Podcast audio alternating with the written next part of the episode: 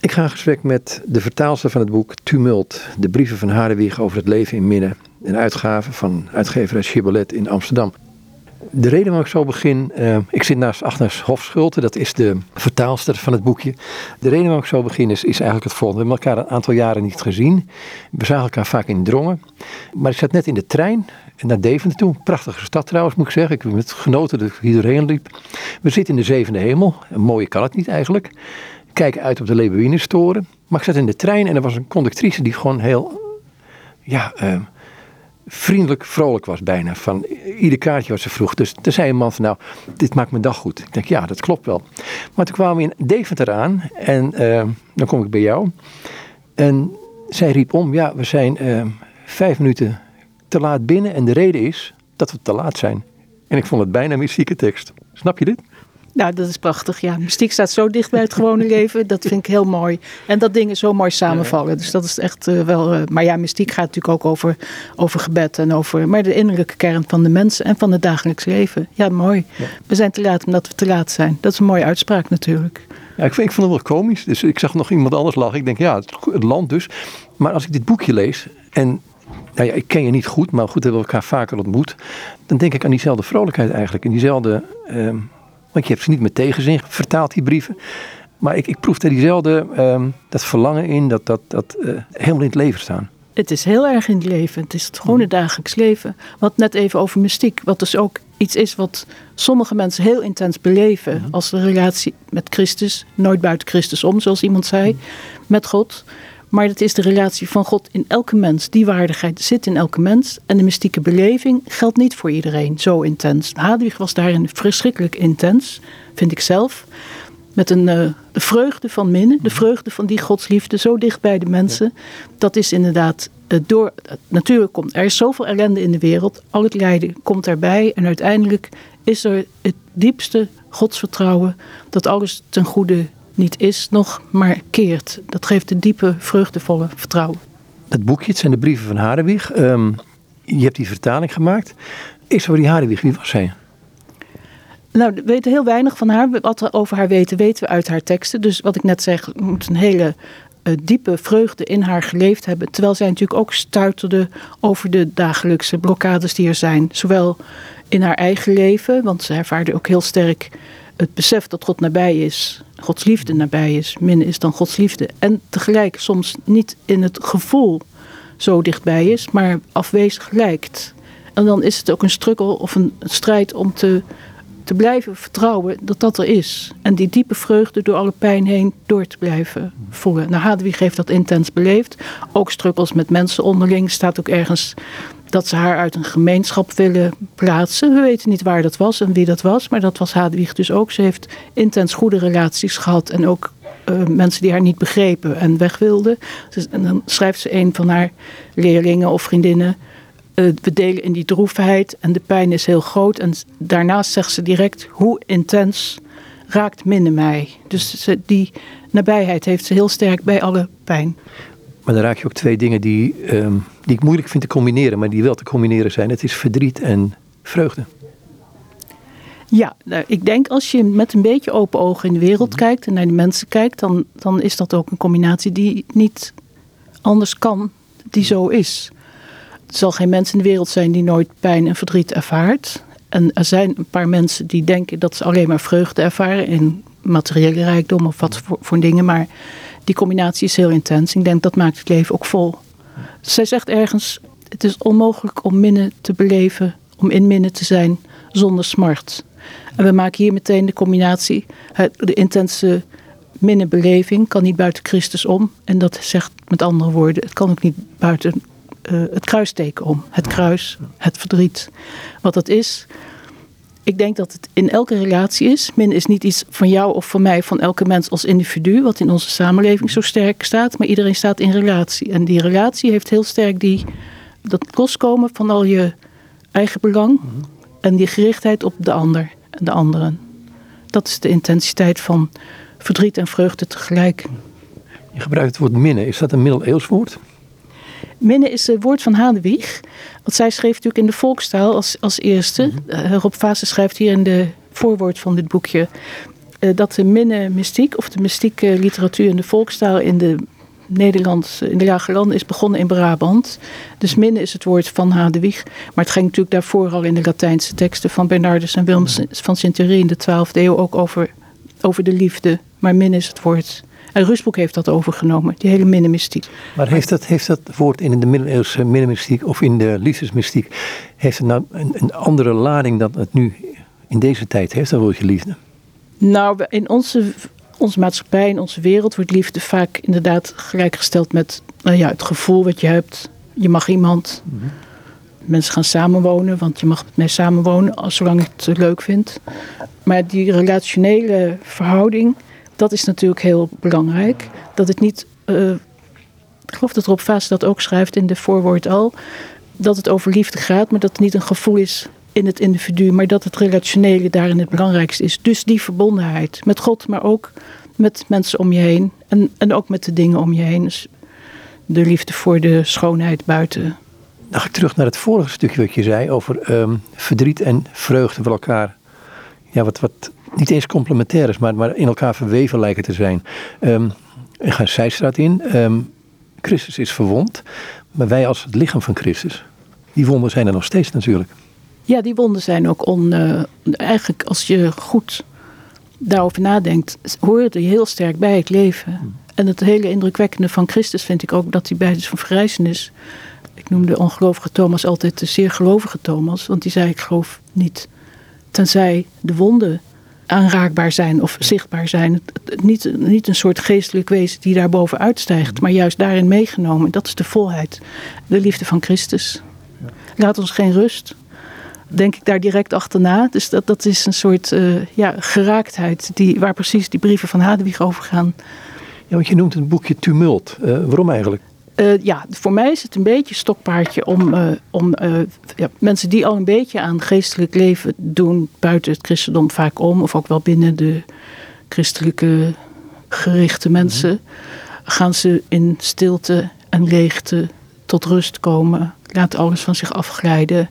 Dat is een soort ehm, ja, meditatieve rust waarmee ze dan denken een mystieke leegte of volheid te bereiken. Dat is dan ongeveer hetzelfde in hun terminologie, leegte en volheid. Mm. En uh, dus ik van tumult. Nou is tumult inderdaad niet een woord van Hadwig zelf. Dat was Oerewoed wel, de titel voor de gedichten destijds. Uh, tumult heb ik zelf verzonnen, omdat ik dat mooi vind passen bij Oerewoed. Maar ook omdat die brieven vol tumult zitten en niet een negatieve onrust, maar een positieve onrust, rusteloosheid. Een soort opschudding in je innerlijk om geen genoegen te nemen. Ja, ik kan genoegen nemen ermee dat ik hier met jou hier nu zit, of dat we in Deventer zijn, of dat met van alles kun je genoeg nemen, maar niet met de situatie in de wereld. Dus het kruisteek moet je altijd, ja, daar moet je altijd mee leren omgaan. Dat tumult is een soort opschudding in de positieve zin. Er staat in mijn inleiding zoals je een kussen opschudt voor meer ruimte en frisheid. Geen leegte. Ja, maar dat wil je toch vaak niet? Uh, ik wel, ik vind dat heel erg prachtig. Maar, veel maar ik, kom, ik kom in die brieven dingen tegen als dat zij eigenlijk gaan, de, de, degene aan wie zij is gericht, zegt van ja, uh, ho even, uh, je bent wel erg met jezelf bezig. Het is wel goed dat dit gebeurt. Ja, je moet niet met jezelf bezig zijn. Dat is eigenlijk heel saai.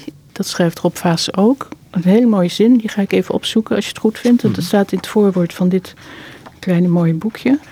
Um, Niets is dodelijker voor de mens dan het rustige in zichzelf opgesloten zitten. Dat zegt hij na de zin, uh, het gaat over minnen. Hadewig's krachtige en passievolle toon.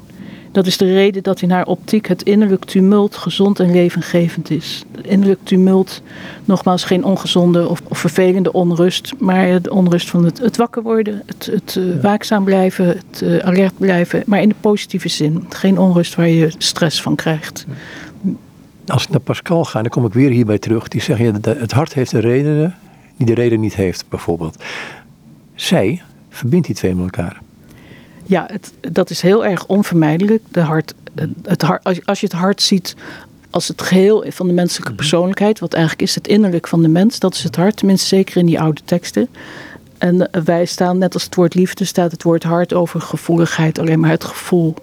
Maar de reden van het hart, dat is de totale persoonlijkheid. En minne uh, combineert, of Hadwig combineert ook minne met de reden als twee ogen voor hetzelfde zien. Dat is een tekst die zij van Willem van Sint-Thierry heeft. Het staat in brief 18 ergens. Zal ik dat lezen straks misschien?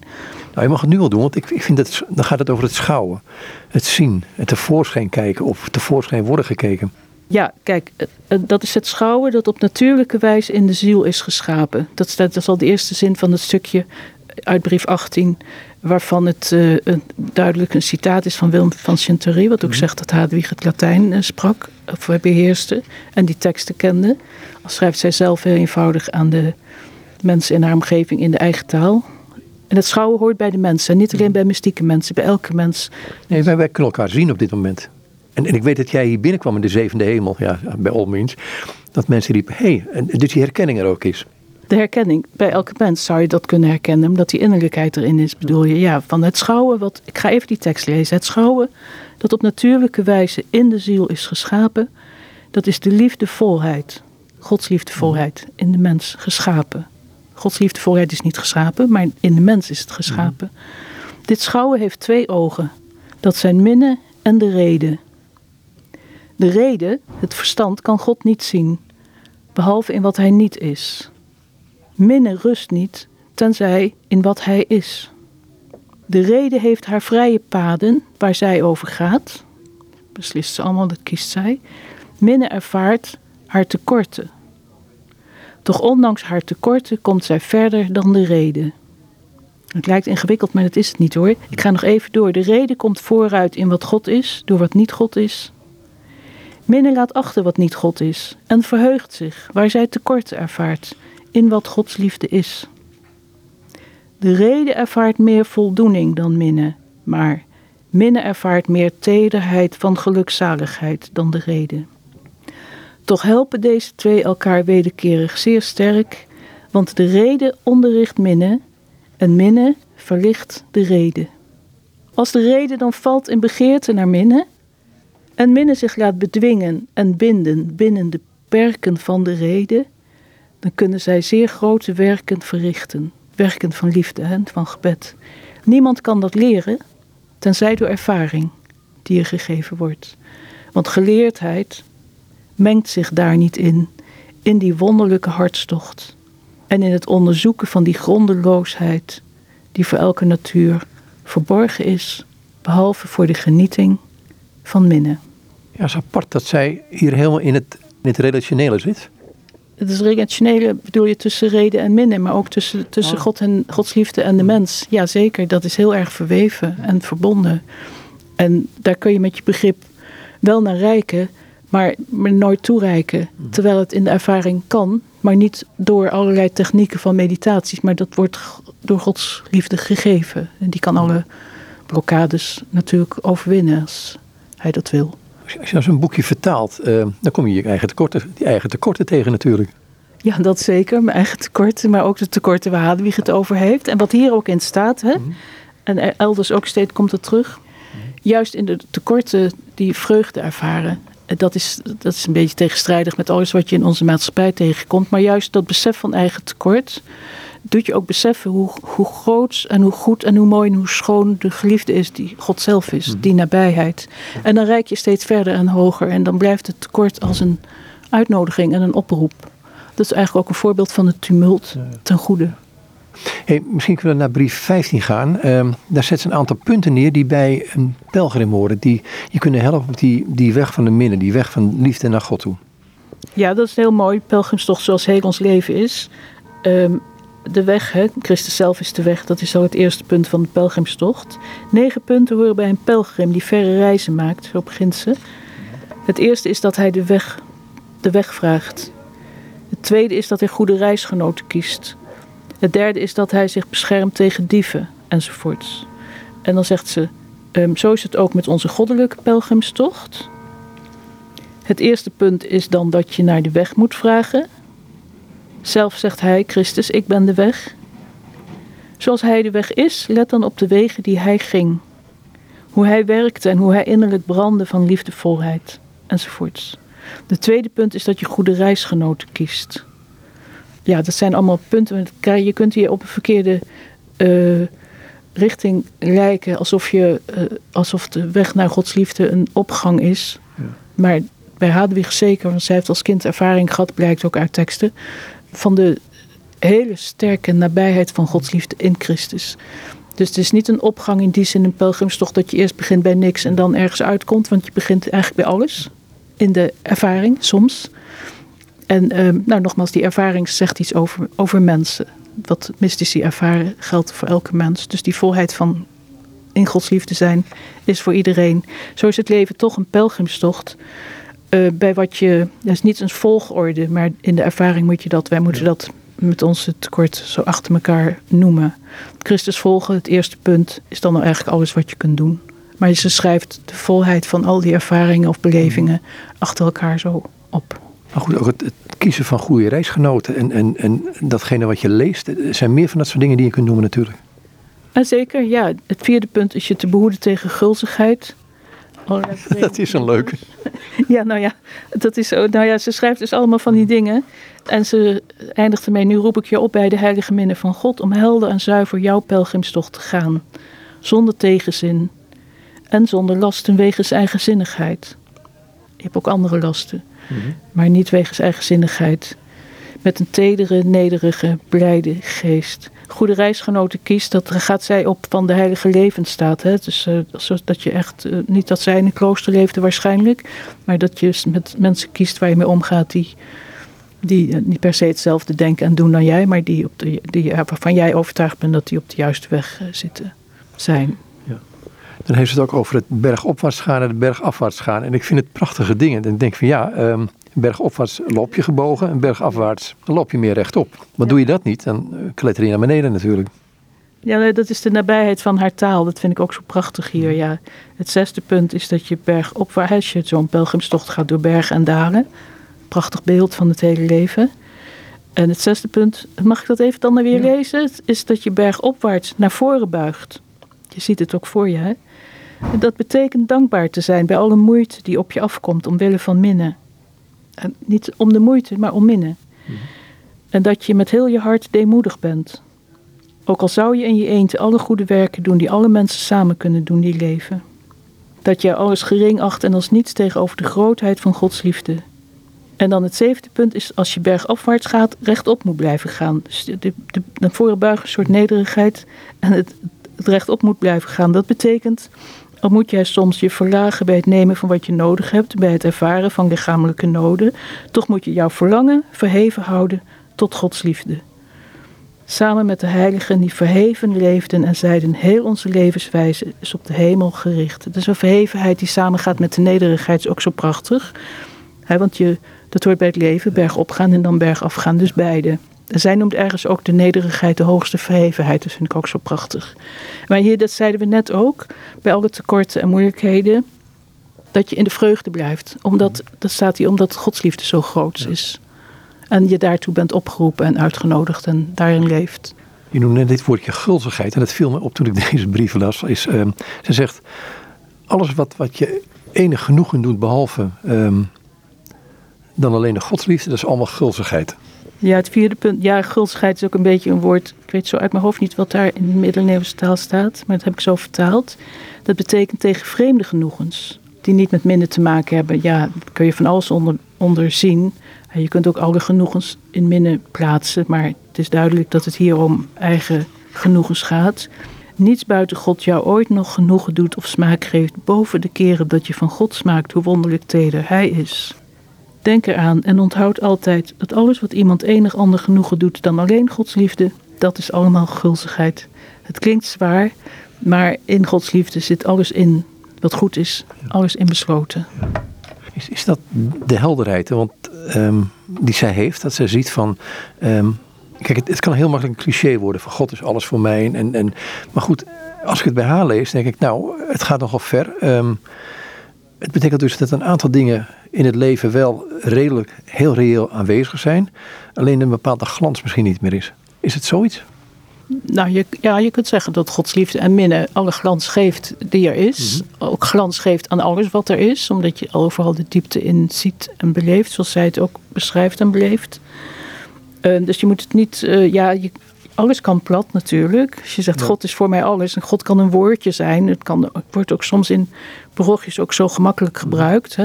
Ik heb het ook ergens opgeschreven in de inleiding. Zo gemakkelijk gezegd, God heeft ons in Christus verlost en daarom zijn wij blij. Ja, dan begint het eigenlijk pas. Want dan wil je terug met al je hartstocht en, en tumult terug beminnen of iets terug kunnen doen. En dat, dat is het alles, zit in je leven, in het leven, ingegeven. Dus niet iets wat buiten of boven staat, juist binnenin alles. Dat is de intense beleving die Hadewig zeer sterk uh, heeft beleefd en schrijft aan haar vriendinnen en nu aan ons. Ze gebruikt vaak het woordje klaarheid en daar wilde je wat over lezen, want dat had je voor in het boekje staan. Ja, dat heb ik ergens gezegd. Van, ze, het, begon ik met uh, over dit boekje Hadewig te vertellen. En toen zei ik, ze slaat je om de oren met helderheid in de eerste alinea van de eerste brief. Eh, dat is het woord klaarheid in haar taal. C-L-A-E-R-H-E-I-T. Klaarheid, helderheid heb ik dat vertaald. En dat gebruikt ze dertien keer in één alinea. Lees het maar gewoon voor. Ik doe een stukje uit de, de oude taal, de oorspronkelijke taal van Hadewig. Over de klaarheid. God, die de klare minne die onbekend was verklaarde, wie stieren doget, daar hij alle doget wie verlichten. In siere klaarheid der minne. Hier moet u verlichten en de verklaren met de klare klaarheid, daar hij hemzelf een klaar met is. Nou, ga ik even die vertaling lezen. Mogen God jou verlichten, die de heldere minne die onbekend was, verhelderde door zijn goedheid. Waar hij alle goedheid mee verlicht in zijn helderheid van minne. En mogen hij jou verhelderen met de heldere helderheid waarmee hij zelf helder is, met al zijn vrienden en zijn meest nabije geliefden. De allergrootste helderheid die wij kunnen bezitten op aarde is waarachtigheid in aanwezige werken van gerechtigheid. En zorg te dragen voor de waarheid van alle dingen, omwille van de helderheid van verheven minne, die Gods liefde is. Een grote helderheid is het wanneer wij God laten begaan met zijn helderheid. Daarin werkt minne voor zichzelf en alle schepselen, elk volgens hun recht. Waarover zijn goedheid kan getuigen met gerechtigheid in helderheid. Hier vraag ik jou om, zoals een vriend aan zijn dierbare vriend. Ik roep jou op zoals een zus haar dierbare zus. En roep je zoals een moeder haar dierbare kind. En verlang voor jou voor jouw dierbare, zoals een bruidegom verlangt van zijn geliefde bruid. Dat jij de ogen van jouw hart helder opent. En jezelf in Gods liefde gelukzalig beziet. Prachtige eerste alinea van de eerste brief. Het is niet een boekje om van de brief 1 tot brief 31, de laatste zin achter elkaar uit te lezen. Maar dat geeft zoveel meditatieve stof. Wat ik stof mag noemen, met al die helderheid. En in een van die brieven zet ze ook helderheid, een helder inzicht en nederigheid. Dat zijn voor haar twee deugden bijna, zou ik het willen noemen. Om een goed zicht op de minne te krijgen, op de liefde te krijgen. Je zou kunnen zeggen dat je met de grootste helderheid waar zij het over heeft, hè, in Gods liefde die helderheid, in de mm. relaties tussen mensen, tussen God en mens, overal die helderheid. Als jij dat in combinatie met die nederigheid noemt, is dat heel evident. Omdat je in de helderheid ziet hoe groot Gods liefde is, die in ons is. Zeg maar, het is een, een soort valse nederigheid. Hè? Ik ben minder dan jij of ik, of ik maak mij lager. Mm. Zij schrijft er trouwens een prachtige zin ergens over. Maar even hier over helderheid. En als je in die helderheid ziet, kun je alleen maar nederig zijn. Omdat je de grootheid en de mooisheid mm. buiten jezelf ziet. Wat je van jezelf hebt, dat heb je van daaruit gekregen. Maar dat besef van het gekregen te hebben, maakt je nederig in de heel goede zin. En zij schrijft ergens in de brief, maar ik weet niet meer precies waar. Eh, wees altijd nederig, eh, maar toch niet zo nederig dat je er dwaas van wordt. Dus er komt er in de omgeving misschien ook mensen tegen die een soort ja, nederigheid hebben als een soort uiterlijk vertoon ook. Of uh, ja, altijd maar kleiner lijken dan een ander. Maar we zijn niet kleiner dan anderen. We zijn groot in Gods liefde. En uh, ja, klein natuurlijk, omdat we het besef hebben dat we het uit onszelf niet zoveel hebben, maar wat we hebben gekregen. Nou zit nog iets anders aan. Um, die nederigheid en die klaren, die kunnen tot dienstbaarheid leiden. En niet tot uh, neer gaan zitten en leeg van jezelf worden. Nee, maar leeg van jezelf lijkt me net zo dodelijk als wat Rolf Pasen net uh, noemde. Dat het dodelijk is als je in jezelf opgesloten bent of in, de, in je eigen leegte gaan zitten. Dienstbaarheid is, is, ook net als nederig een beetje een beladen woord. Hè? Alsof je onderdanig moet zijn. Maar de enige onderdanigheid is aan Gods liefde. En uh, ja, omdat je Gods liefde ook in andere mensen ziet, kan je dat ook nederig maken. Dienstbaarheid is inderdaad dat je voor alles wilt geven van jezelf aan het goede. Dat is niet van jezelf uit naar buiten, maar van jezelf uit de binnenkant van alles meebeleven. De dienstbaarheid is dat je voortdurend daarop gericht bent. En dat... Maar ik bedoel, misschien bedoel ik ook die kant van uh, passief en actief zijn. Want het, het kan op een verkeerde manier kan het tot enorme passiviteit leiden. En gewoon rust in jezelf hebben, daar wat tevreden mee zijn.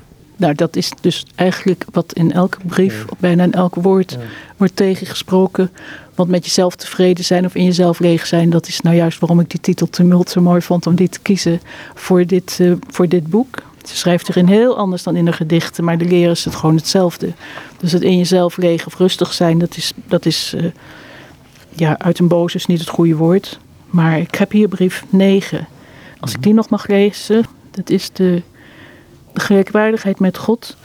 Dus, dus dat, of de gelijkwaardigheid, ja, gelijkwaardigheid. Um, ja, je, je, je kunt niet in jezelf leeg zijn. Veel mensen doen het, maar je, je, en denken daarin rust te vinden. Maar dat is in vergelijking met, had ik me eigenlijk ook met menselijke waardigheid, ja, vind ik dat eigenlijk onwaardig. En met wat ik hier lees steeds ook, omdat je dan ook eigenlijk losmaakt. Je kunt je niet losmaken van God, want die zit in elke mens, dan, dan ben je dood. Maar de, in de ervaring van leeg en rust beleven in jezelf. Net als ander soort mensen die, die alle rust en vreugde vinden in uiterlijke rijkdom en allerlei vertier of kerstdiners met lekkernijen. Dat is allemaal maar even. Maar dat raakt niet de diepte van de werkelijke christelijke mystiek die hierin beschreven staat. In dat heel erg relationele, wat zo belangrijk is. Dus, uh, je wou een stukje voorlezen? Ik brief 9 zo mooi vind. Mogen God jou laten weten, lieve kind, hoe hij is en hoe hij omgaat met zijn dienaren. En vooral met zijn dienaresjes. Dat zijn de zielen ook, hè? De, en dat Hij jou in zich verslindt. Waar de diepte van Zijn wijsheid is, daar zal Hij jou leren wat Hij is.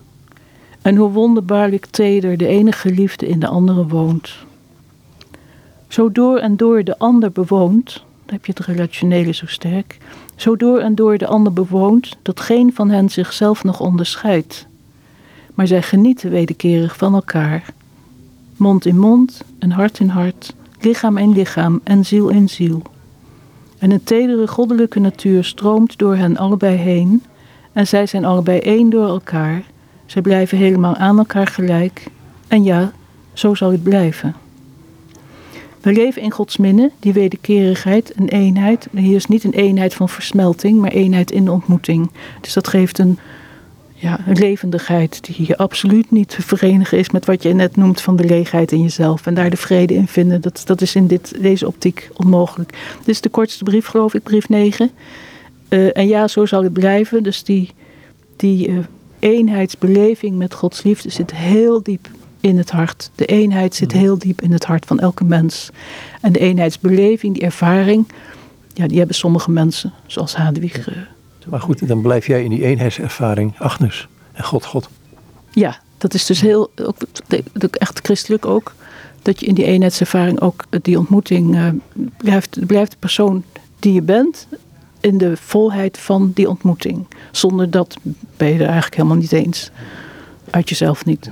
Ik ga nu de brief 22. En dan lees ik een klein stukje het voor. En het gaat over de Triniteit verder. En ik denk het misschien goed is daar wat verder over uit te wijden. Lees eerst een Vier regeltjes. Dus God is boven alles en toch nederig. God is beneden alles en toch niet verdrukt. God is binnen alles en toch niet ingesloten. God is buiten alles en toch geheel omvat. Um, dat. En toen ik dat las, dacht ik, jongen, waar ben ik nu beland? Nou ja, dit is heel mooi achter elkaar gezegd. Uh, door Hadewig, die vier regeltjes. God is boven alles en toch nederig. Beneden alles en toch niet verdrukt binnen alles en toch niet ingesloten, buiten alles en toch geheel omvat. Dat schrijft zij natuurlijk in de alinea's daarna, legt zij dat uit. Het eerste betekent dat hij de onmetelijke natuur, die hij zelf van nature is, eeuwig bezit en verheft in verheven waardigheid. Omdat hij is zoals hij is, omdat hij zelf is wat hij bezit, verheft hij zichzelf niet en is dus nederig. Enfin, zij legt dat zo helemaal uit. Um, al die stukjes. Het tweede punt, dat God beneden alles is en toch niet verdrukt. Dat betekent dat de grond van zijn eeuwige natuur alle dingen behoedt en voedt. Dus ja, het, is een, een, rijkdom die zij beschrijft. Rijk maakt met dezelfde rijkdom als Gods liefde zelf is in zijn goddelijke rijkdom. Het is een enorme nou ja, rijkdom die zij beschrijft. En als ik het zo lees, ook, zijn allemaal zo volle stukjes. Dat je het niet, eh, dat nogmaals niet eens een boek is wat je achter elkaar uit moet lezen, maar wat je aan het denken zet en wat je zelf op de weg zet van besef hoe rijk wij als mensen en de wereld in elkaar zitten. Terwijl je tegelijk natuurlijk de gruwelijkheden ziet die gaande zijn, ook overal om ons heen, Oekraïne te noemen, maar op zoveel plaatsen ook. Ehm, daar ga je niet aan voorbij. Daarin zit die grondeloze godsliefde en de rijkdom in verweven, wat wij daar maar ons verstand niet bij kunnen, kun je in minnen niks goed praten, mhm. maar ten volle toevertrouwen. Je komt er ook bij de kern van, ehm, ook in deze brief, ehm, kom je ook naar de kern toe van de drie eenheid. En ehm, in de brief 28 staat er meer over. Dat is wel heel wezenlijk voor haar begrijpen van die liefde die God is en uh, laat zien. Ja, dat is zeer belangrijk, want die godsliefde, onze christelijke theologie, waar de triniteit van God zo belangrijk is, omdat God in zichzelf al de relatie is. Vader, Zoon en Heilige Geest. De Geest is de relatie, de liefde van vader en zoon. Zij komt er op meerdere plekken op terug. Onder andere hier wat jij aanwijst. Maar die relatie in God zelf, daarin zijn wij geschapen en geroepen. Ehm, en dat is, dat is een, een enorme rijkdom om dat te kunnen beseffen. Zo worden wij met de vaste lijm van de gehechtheid één geest met Gods liefde omdat wij met de Zoon en met de Heilige Geest zo de Vader oproepen. Omdat wij zijn rijk oproepen dat het tot ons komt. De drie personen met al wat zij zijn. Omwille hiervan blijft Gods liefde inderdaad nederig. Als wij zijn rijk vragen om tot ons te komen, kunnen we hem toch niet verheffen. Enfin, het gaat nou zo door. Hij beweegt uit zichzelf en alle schepselen. De relatie binnen in God, God zelf, dat is natuurlijk ontzettend belangrijk om de christelijke mystiek te verstaan. Tegelijk geldt dat relationele, die rijkdom voor elke mens, ook denk ik, nou, ook ben ik van overtuigd, of zijn we van overtuigd, Hadewig ook, dat het geldt voor elke mens, dus ook voor mensen die het geloof in die zin niet delen. Ja, uit brief 28. Hij is vader in zijn almacht. Hij is zoon in zijn kenbaarheid. Hij is Heilige Geest in zijn heerlijkheid. Gods liefde geeft in de Vader. En hij toont zich in de Zoon. En hij doet smaken in de Heilige Geest. Gods liefde werkt in de Vader met macht, in de Zoon met inzicht en in de Heilige Geest met zuiverheid. Zo werkt Gods liefde met drie personen in één Heer en in één Heer met drie personen. En met drie personen in de veelvoudige goddelijke rijkdom en met de veelvoudige goddelijke rijkdom in zijn gelukkige ziel, die hij heeft geleid in de verborgenheid van zijn Vader, die allen gelukkig maakt. Ja, is die, dat relationele komt dan steeds wel terug en dat is heel erg belangrijk om de rijkdom te zien. Ja, het is iets anders dan een statisch godsbeeld hè, van een God die onbewegelijk is en er is en voor de rest niks. Vooral ook dat het niet een God is als een alleenheerser die wetten uitvaardigt waar je aan moet voldoen. Het is een, een, een godsliefde waarin we geschapen zijn en dan opgeroepen om dat te leren inzien. Met, met liefde en met reden, met inzicht. Niet alleen met gevoel, maar met de, de waardigheid van die roeping. En dan kom je toch ook los van gewoontes of dingen die moeten om iets te verdienen. Wat, wat je zou kunnen verdienen, heb je al gekregen. Dat besef is eigenlijk omgekeerd. En ze zegt ook hier die allen gelukkig maakt. Zo kun je over een klein woordje soms heen lezen, maar dat geldt dus voor elk mens. Maar nogmaals, niet die beleving, maar wel wat die beleving dan leert. In die prachtige teksten. Uh, want zij heeft dus duidelijk een stukje van de film van Centurië ergens geciteerd in brief 18. Maar die leer neemt zij natuurlijk mee van de, evangelische uh, christelijke rijkdom. Uh, maar de teksten van Bernardus en de film van Centurië, en dat is in de christelijke mystiek komt dat steeds terug dat relationele, wat de rijkdom is van elke mens.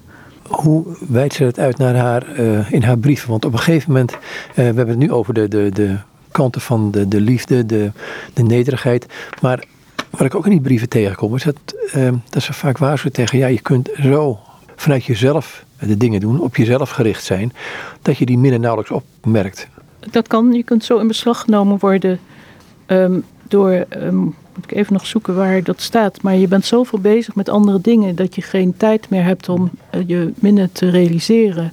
Die richt je zoveel op. Ook goede dingen die je moet doen. De, de brief waar het over verdwalen gaat. Uh, we kunnen dwalen in dingen die we denken dat goed zijn. Terwijl we daarin gewoon vergeten om, om dat besef door te laten dringen.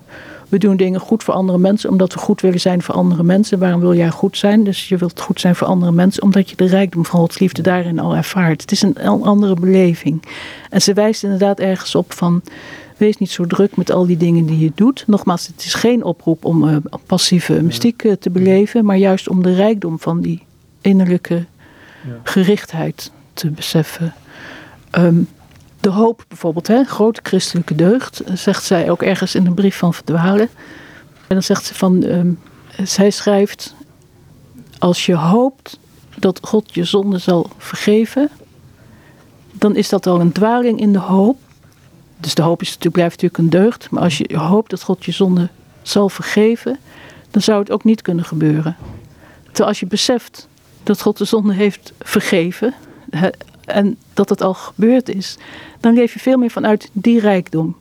En dan krijgt de hoop een andere, de hoop die we natuurlijk moeten hebben, hè, uh, voor de hele wereld, dat, dat Gods vrede zal komen voor, voor allen en iedereen. Een ander soort hoop, hoop, geloof en liefde als de grote deugd. Daar doet ze niets aan af.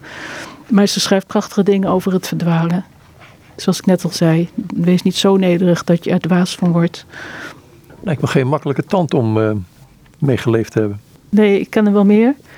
Uh, maar geen uh, makkelijk, makkelijke was zij denk ik niet. Zeker niet voor anderen, zeker niet voor zichzelf. Omdat ze die eisen hoog stelden, de lat hoog leggen, zoals we nu bij ons zeggen. Maar nogmaals, het is geen stress of iets waar je een burn-out van zou kunnen krijgen. Maar nogmaals, het reiken naar het hoogste goed. neem geen genoegen met minder dan minnen. Dat is een, een, een oerenwoed, hè, om, om dat woord dan te gebruiken. Wat ze ook niet in die brieven gebruikt trouwens, maar in die gedichten veel. Een oerwoede om, om naar het volste ja. te reiken, het goede. Maar, maar daarin raakt zij geïrriteerd door haar eigen beperktheid.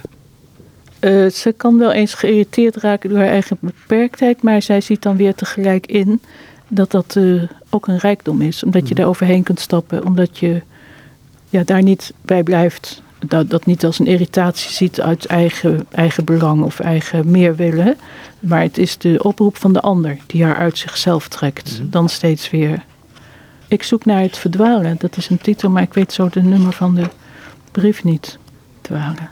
We dwalen in veel dingen waarvan we denken dat ze goed zijn. In veel dingen waarvan we dachten dat ze goed zijn, dwaalt het inzicht. Bedenkelijke vrede ten opzichte van God en de mensen. Hier vraag ik jou om, schrijft ze dan, dat je aandacht geeft, brief 4, aan alle punten waarin je hebt gedwaald. Verbeter je daarin met heel je vermogen. Want we dwalen in veel dingen waarvan we denken dat ze goed zijn. En die ook goed zijn. Dus dan gaat het weer om hoe, ze daar, hoe je daarmee omgaat.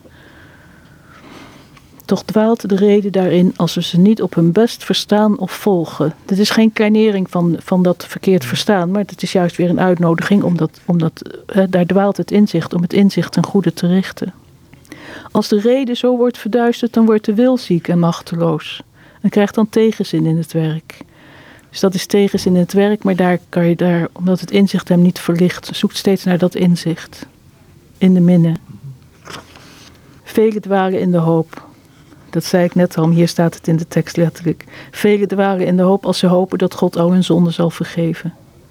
Als die werkelijk ten volle vergeven waren, dan zouden ze God beminnen. Dus het zit zo heel diep in, in het hart van de mens. Hè? Er zit ook dat wat ik wel hoor. Hè. Wij zijn zondaars. Terwijl Paulus het steeds heeft aan de heilige van. Of de heilige inkolossen in Christus. Denk ik, nou, dat is een, toch een ander verhaal.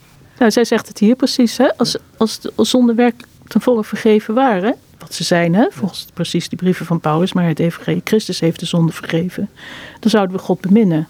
En het, in de hoop, ik hoop dat God mijn zonde zal vergeven, dat zit ook een beetje egocentrisch in. Hè? En, en wat hij moet geven en wij dan ontvangen. Terwijl Hadewig die beweging ook omkeert. Want wij willen, ja. dat, dat, natuurlijk ook, maar dan we willen teruggeven. We willen hem beminnen. Als je, zit, als je blijft steken in ik hoop dat hij mijn zonde zal vergeven, dan ben je een beetje in jezelf opgesloten. Wat dan zouden ze God beminnen en werken van minnen doen.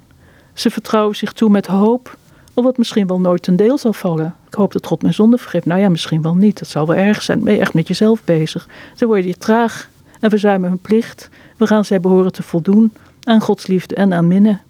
Waar we moeite voor moeten doen, tot de dood. En die hoop dwaalt het inzicht. Ja, je kan het zo, als je zo uit context haalt, in die, tot de dood en zo. Je kan het zwaar lezen, maar er is geen seconde zwaar in die brieven, vind ik. Maar je moet wel af en toe een beetje nadenken. In tranen dwalen we vaak. Al wijst de reden er wel op dat we wenen omdat we iemand missen. Daar is toch veel eigenzinnigheid bij. Ik mis jou zo. Ik. Daarin dwalen we buitengewoon vaak. In verlangen naar uiterlijke vroomheid dwalen alle mensen die daarin iets zoeken. Door maar vrome dingetjes doen. Want we moeten God zoeken. En niet onze eigen vroomheid en die dingen. En wat hij daarbovenuit geeft, dat zullen we graag ontvangen. Zijn we ten diepste niet hier voortdurend met onze eigen autonomie bezig? Met onze eigen, ons ik willen, ons ego willen profileren? Um, het zelf voor het zeggen hebben, laat ik het zo maar zeggen. Gewoon een pure hoogmoed in wezen. Je bedoelt hoop ik niet Hadwig hierin? Nee, nee, nee. Wat, wat, wat, waar zij tegen zo ageert. Ze zegt ja, al die, die redenen die zij geeft om niet te hopen. Um, om, om een vroom leven te leiden. Allemaal wat wij zelf kunnen doen. Terwijl uh, het overgeven aan Gods liefde schijnt toch niet het allermakkelijkste te zijn als ik dit zo hoor. Nee, het is niet, ja, nee, maar dat is ook niet wie heeft gezegd dat het gemakkelijk moet zijn. In ervaringen van zoetigheid waren we vaak. Want daar zit veel zoete gevoeligheid. Voor God en voor de mensen. Dus ja, het, het is um, juist van jezelf af. En dat geeft een, een, een rijkdom. Ik denk dat het in onze samenleving, waar inderdaad die, die, die roep om autonomie. Ik, wil, ik heb recht op. Uh, ik wil vergoeding hebben van wat mij onrecht is aangedaan. Ik wil en ik moet en ik zal.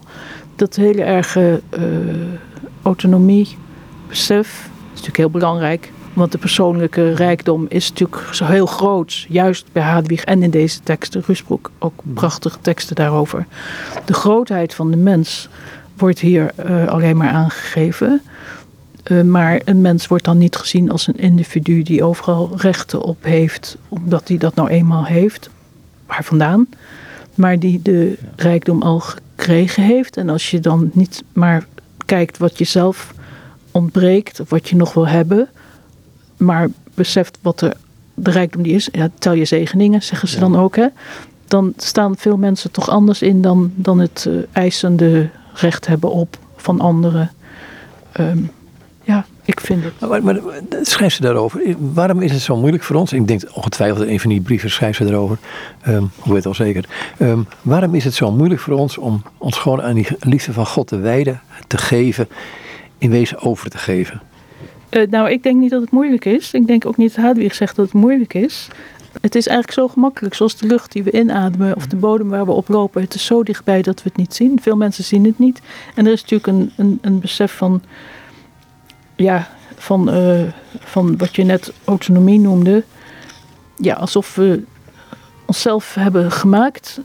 Terwijl mensen ook wel beseffen dat dat niet zo is. Maar toch is de hele teneur nu van ik heb recht op, ik heb recht op op alle zorg. Hè. De zorg is er niet meer helemaal. Dat is natuurlijk allemaal erg en het moet ten goede gekeerd worden. Maar dan kun je van allerlei vragen. Maar ik heb recht op. Anderen maken fouten. Dat is een heel, het is niet moeilijk om je op Gods liefde te richten. Maar het is eigenlijk zo vanzelfsprekend dat we het graag overheen stappen. Gemakkelijk overheen stappen. Zullen nog een brief pakken en lezen? Eentje die jij, uh, want je had er eentje ongetwijfeld één voorbereid. Ik heb nu al een paar dingen gedaan, maar je hebt, kies er gewoon één uit. Hier begint ze met uh, gedichten in brief 19. Mogen Gods liefde met jou zijn en jou ook geven het juiste kennen van in minnenleven. En jou vertrouwd maken wat het betekent daarbij. Ik ben van mijn lief en mijn lief is van mij. Een citaat uit het hooglied, hè, zoals de bruid in het hooglied het zegt. Wie voldoende voor minnen zichzelf opzij legt, zal minnen ook helemaal kunnen overwinnen. Ik hoop dat het nu ook gaat beginnen. Al gaat het bij ons nogal eens mank, toch weten wij voor alles aan minnen dank. Wie de ware minne wil smaken, in dolen of in het aanraken, zal geen paden of wegen vinden, maar dolen en zich in minne binden. In bergen en dalen allebei. In vreemde troost, moeite met kwellingen erbij, buiten alle wegen van menselijk bezinnen, gedragen door het sterke strijdros van het beminnen. Dit te bevatten, dat kan de reden niet, hoe minne in beminnen haar geliefde doorziet. En hoe Minne bij alles in vrijheid leeft, ja, als zij die vrijheid bereikt heeft, die vrijheid die Minne kan geven, dan ontziet zij geen dood meer of leven. Zij wil Minne helemaal, niets minder wil zij. Nu laat ik het rijmen en schrijf verder vrij. Zo begon zijn brief. even tussendoor, want wij weten niet precies aan wie zij die brieven schreef. Aan vriendinnen zeggen ze, of leerlingen, of mensen in haar omgeving. Maar dat is allemaal niet bekend, omdat we niets weten over haar. Maar dan, schrijft dan gaat ze verder, nu laat ik het rijmen en schrijf verder vrij. Want op geen enkele manier kunnen wij het onderwerp van minnen onder woorden brengen. Waartoe ik jou bestem en verlang. Ons onderwerp is te ruim, want het gaat over minnen, die van nature God zelf is. Prachtige theologen die hele rijen boeken schrijven, dikke pullen vol. En dan op het einde zeggen van ja, alles wat ik gezegd heb over God, Gods liefde, dat is eigenlijk niet. En zij schrijft, je ziet haar schrijven, dacht ik bij deze brief. Daar laten we het nu bij. God is met je, eindigt ze daarmee. Je ziet haar schrijven, dan zeg ik, schrijf dingen.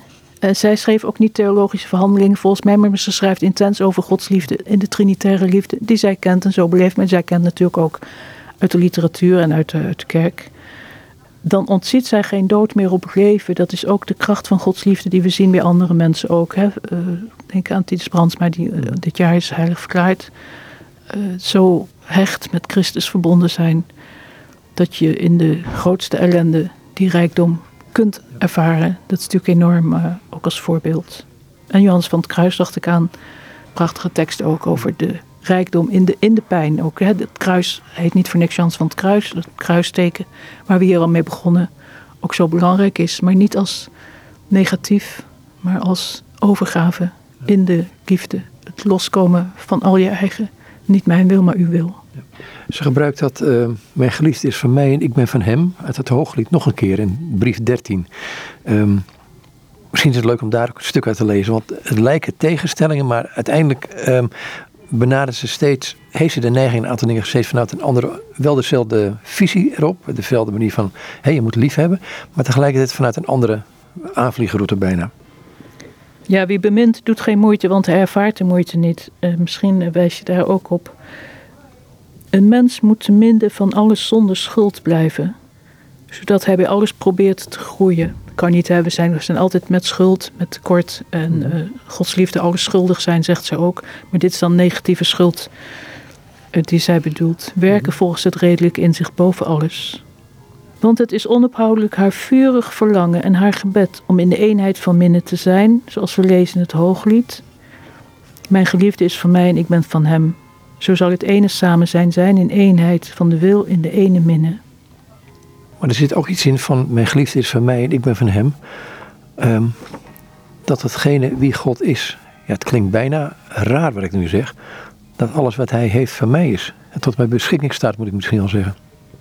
Ja, als je dat maar niet als hebzucht ervaart of beleeft of ziet of beredeneert. Hè, maar dat, is, dat zegt ook in de gedichten vaak, maar hier ook God kunnen overwinnen. Dus alles wat van Hem is, hebben wij gekregen in Christus.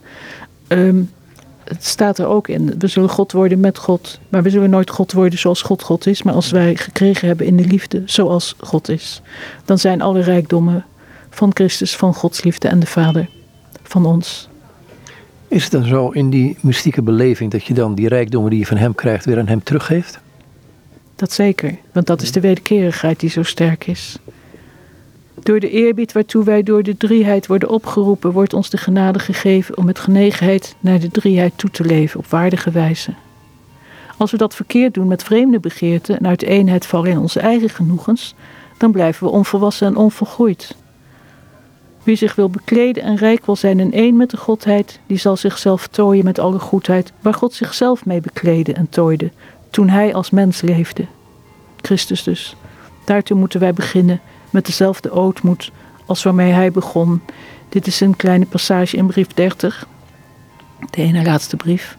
Wie zich wil bekleden en rijk wil zijn, bladzijde 147. Mm -hmm. Wie zich wil bekleden en rijk wil zijn in één met de Godheid, die zal zichzelf tooien met alle goedheid waar God zichzelf mee bekleedde. Dan denk je de verhevenheid van God. Mhm. En in dezelfde zin waar God zichzelf mee bekleedde en tooide toen hij als mens leefde. Daartoe moeten wij beginnen met dezelfde ootmoed als waarmee hij begon. Dat betekent van alle vreemde troost afstand doen en bij alle verhevenheid nederig te blijven. Dat is echt uh, heel gericht op Christus. Mhm. En, en Christus is God. Ja, maar er is iets heel, heel merkwaardigs in. Dat heb ik altijd wel gevonden. Tenminste, ik zat in de trein hier naartoe en toen dacht ik over ja Als je ziet op wat voor een klein stukje in het heelal wij zitten hier, het, totaal van de schepping, ik bedoel, het nauwelijks voor te stellen, dat hoe klein het allemaal is. En in die kleinheid is God zelf in Christus naar ons toegekomen. denk ik, ja, pardon? Zij roept in alle harten van wie beminnen met luide stem, zonder gedachte en zonder verzuim, bemin, minnen. Bemin, minnen. Die stem klinkt met zoveel kracht. Zij luidt buitengewoon meer ontzagwekkend dan een donderslag. Dat woord is de band waar ze hen die zij gevangen neemt, mee bindt. Dat is het zwaard waar ze hen die zij geraakt heeft, mee verwondt. Dat is ook zo'n prachtige passage uit brief 20. De kleinheid van de mens in het grote heelal. Wat eigenlijk het geloof is van deze tijd. Waaruit je bijna niet meer kunt opmaken dat de andere kant van hetzelfde geloof is. Van ik ben ik en ik heb recht op alles. Uh, en als mij iets wordt misdaan, dan heb ik recht op alle vergoedingen enzovoort. Maar tegelijk is er het besef van we zijn maar een stofje in het heelal. Uh, het is voor de mensen, mhm. vele mensen die het christelijk geloof afdoen en wegdoen als verachtelijk. Die stem klinkt met zoveel kracht, ze luidt buitengewoon meer ontzagwekkend dan een donderslag. Ja, de rijkdom van de mens, elke mens nogmaals, het innerlijk, daar zit die hele rijkdom van Gods liefde in. Ik kan het niet anders zeggen. Is hij, en dan citeer ik een andere miskus, dacht ik, is hij een gulzig minnaar? Gulzige minnaar als je gulzig positief. Ja, dus, uh, of, uh, Rusbroek heeft dat ook prachtig verwoord. Hè, die gulzigheid. Van, uh, hij, hij wil ons. Het staat hier ook ergens. Hè, ik heb het net voorgelezen. waarmee hij jou in zich verslindt. Het is ook Gods verlangen naar ons. Gods verlangen naar ons. Um, het, omdat God, Vader, Zoon en Heilige mhm. Geest, Christus is, is in de drie-eenheid. Dus dat verlangen van Vader en Zoon is die intensiteit. Ja, zij verslinden elkaar, maar dat kun je natuurlijk niet negatief verstaan. Uh, maar dat is het, de wederkerigheid van de totale overgave aan elkaar. En er zit een intens verlangen in. Maar wat ik net voorlas, daar staat ook dat is het zwaard waar ze hen die zij geraakt heeft mee verwond. Dan moest ik bij Amaria denken, hè, die bij mhm. de gave van Christus in de tempel dat haar gezegd is van uw ziel zal door als door een zwaard worden doorboord. Dus de, de smart, de droefheid die erin zit en die onmisbaar is bij de diepste vreugde. Het stofje in het heelal zijn we, maar ja, des te wonderlijker is die rijkdom van Gods liefde die we niet onmogelijk kunnen afdoen als een verzinsel van een christelijke kerk die verder maar een beetje van eh, misbruik en onrecht aan elkaar hangt zoals velen denken. Want je schrikt er soms van hoe uh, door radio of in de media de christelijke kerk als afgedaan wordt beschouwd en alleen maar negatief. En dat is een uh, tendens die wonderlijk is, omdat mensen niet beseffen wat de rijkdom is. Maar het andere wat je ook zegt, um, je vertaalt die gulzigheid van Ruusbroek. Die gulzigheid van Ruusbroek, um, je zegt nou dat is het enorme verlangen van God naar ons. En dat is natuurlijk als je als ik naar het schouwen ga van Willem van Sint-Thierry, wat ook in deze brieven komt, het gewoon op een bankje zitten in de polder, zeg ik wel eens, en gewoon je ogen maar dicht doen en beseffen, God houdt van mij, God verlangt enorm naar mij. Dat is natuurlijk zo, bijna zo wezensvreemd aan zoals wij onszelf kennen, of lijken te kennen. Dat is een intense goedheid die je zo beschrijft. Mits je dat niet. Uh, uh, je kan natuurlijk op een bankje in de polder gaan zitten en dan uh, blij zijn dat God zoveel van je houdt. En dat ook als, als wonderlijk ervaren. ik, ja, Vind ik niks verkeerds mee trouwens. Hoor niks verkeerds mee, helemaal niet. Alleen kun je dat, uh, kun je dat groter zien nog, hè? Dan de wonderlijkheid van hij bemint mij, hoe komt dat? Uh, dat is natuurlijk goed. Maar dan, dan zit je al bijna op de grens van die zelfvoldaanheid uh, met Gods liefde. Mhm. Terwijl de rijkdom ook is dat je daarin alle mensen en de hele wereldse situatie ook betrekt. God houdt van mij en ook van de zwerver. Die dan niet zoals jou gelukzalig op het bankje zit, maar de zwerver die s'nachts daar in de kou slaapt. God houdt van hem en haar of haar en met dezelfde intensiteit. En daar kunnen we niet met ons verstand bij, maar de liefde laat die ruimte open. Van vertrouwen en toevertrouwen. Twee hele grote woorden ook in deze brieven. Vertrouwen en toevertrouwen, dat is geloven, eigenlijk vertrouwen. Goede vertaling voor door alles heen, met alles mee. Hoe zou jij minnen willen omschrijven? Een laatste vraag. Uh, nou, minnen is Gods liefde zelf, die in ons is. En de rijkdom van de schepping is in Gods liefde. Dus zo zie je minnen, wordt door niet heel erg vaag, dat het eigenlijk alles is en niet meer weet wat het is. Uh, maar het is de rijkdom in de, de, binnenkant van alles en iedereen en elke mens. Dat, dat lijkt mij de goede vertaling. Liefde, maar dan Gods liefde in de mens, in de wereld, overal. Ook straks in de terreinen Arnhem. En dan overstappen, even wachten en dan naar Oosterbeek. En nee, maar het, het, het heeft een diepte en een verhevenheid die heel persoonlijk is. Het is niet een begrip waarvan je een definitie kunt zoeken. Ze zegt het zelf, hè? ik hou ermee op. We kunnen het toch niet zeggen. Dan schrijft ze weer verder al die brieven, al haar gedichten, al haar gesprekken waarschijnlijk. Het is niet vaag, maar het is eh, diep en verheven. Boven ons verstand, maar en in ons innerlijk, persoonlijk. En het is iemand, Christus. Geen begrip tussen de oren. En dan als je zegt, minnen is niet een begrip waar wij nu over kunnen zoeken naar de woorden, maar het is Christus, dan ben je al in de gerichtheid van de relatie. En dat zeg je hier in de Zevende Hemel tegenover de Lebuinuskerk in het hier en nu in het dagdagelijks leven. Want zo is het leven. Ja, en zo is minnen. Dicht bij het dagelijks leven, bij de gewone dingen. Maar niet alleen dicht bij jou en mij nu hier. Dicht bij het leven van de mensen. Ook die bezig zijn met de dagelijkse dingen en druk. Alles is daarin. Dankjewel. Ja, ik wil jou bedanken voor dit gesprek. Graag gedaan. En dit is Agnes Hofschuld. En met haar was ik in gesprek over het boekje Tumult. De brieven van Hadewig over het leven in Minnen. Eh, het is een uitgave van uitgeverij Shibboleth in Amsterdam.